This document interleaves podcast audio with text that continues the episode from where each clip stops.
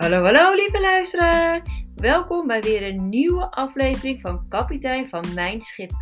De podcast waarin ik heel graag inspiratie en tips met je deel over hoe jij voor, tijdens en na je scheiding met je emoties leert omgaan. Hoe aan de relatie met je kinderen te werken en te begeleiden tijdens deze fase van jullie leven. En hoe jij weer stapt in jouw mooiste toekomst. Ik heb er weer super veel zin in. Let's go! Hallo, welkom terug bij een nieuwe aflevering van Kapitein van Mijn Schip. Wat ontzettend leuk dat je kijkt en ontzettend bedankt voor alle fijne aanmeldingen en positieve reacties. Ik word er heel erg blij van. Ik wil het dan deze week ook hebben over emotie blij. En zoals ik in het vorige filmpje al aangaf, uh, ga ik het nu hebben over het onderzoek wat is gedaan bij kinderen die vaker emotie blij voelen dan de anderen. Als eerste hoop ik echt oprecht dat je een hele leuke paar dagen achter de rug hebt. Dat je ook echt uh, voor jezelf iets leuks hebt gepland. Uh, en voor je kindje ook allemaal leuke dingen heeft gepland. Zodat jullie allebei nu ook de emotie blij ook echt gewoon voelen. En het verschil ook echt voelen uh, in het dagelijks leven en in de relatie tussen jou en je kindje. Dus onderzoek, hier zijn we dan. Onderzoek wijst uit dat kinderen die meer dan andere leeftijdsgenoten de emotie blij voelen, dat die uh, beter omgaan met de problemen die zij hebben uh, te dealen in het leven, die zij op hun pad komen. Zij kunnen beter omgaan met veranderingen en zij denken veel sneller in oplossingen. Denk ook maar eens aan jezelf. Eigenlijk is het ook heel logisch.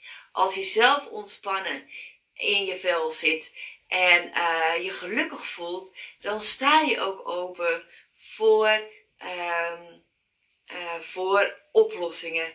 Dan sta je ook niet zo ingewikkeld over moeilijk doen met veranderingen. Dan kan je daar ook veel beter mee omgaan. Dus ja, dit onderzoek heeft inderdaad een punt.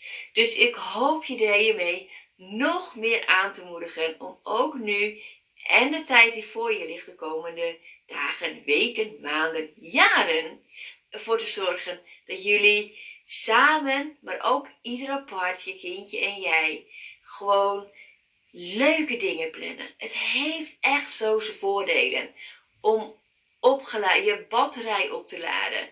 Je bent een andere ouder, je kind wordt een ander kind en je gaat heel anders in het leven staan. En betekent dit dat de negatieve emoties niet welkom zijn? Natuurlijk niet. En dat je alleen maar happy moet zijn? Natuurlijk niet. Die andere emoties horen ook bij het leven. En dat is helemaal oké. Maar plan de leuke dingen. Als je niet plant, zal er ook nooit een tijd voor komen. Dus, dat heeft mijn leven in ieder geval wel geleerd. Zet een kruis in je agenda. Zorg goed voor jezelf. Zorg goed voor je kindje. En uh, pluk daar de vruchten van. Nou, ik wens je ontzettend veel plezier toe met uh, deze huiswerkopdracht. Voor nu en voor altijd. Uh, deze opdracht stopt natuurlijk nooit. En mocht je nog tijd hebben op donderdag 16 februari van 8 tot half 10 online voor de workshop Ruimte voor emoties en grenzen aan gedrag bij kinderen dan kan je je nog opgeven via info at, um, uh, Gegevens staan hieronder. Um, en dat was het voor vandaag.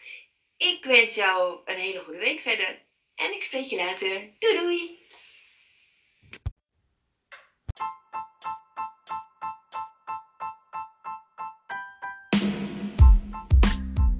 Dankjewel voor het luisteren. Ik hoop dat ik je heb kunnen inspireren en laat mij vooral weten wat het voor je heeft betekend. Mocht je de podcast waardevol en interessant hebben gevonden, deel hem dan alsjeblieft. En voor alle gratis content zou je dan alsjeblieft één dingetje willen doen en dat is mijn podcast een review geven op Spotify, dat ik beter bereikbaar ben voor anderen. Alvast super bedankt voor je hulp en tot de volgende keer.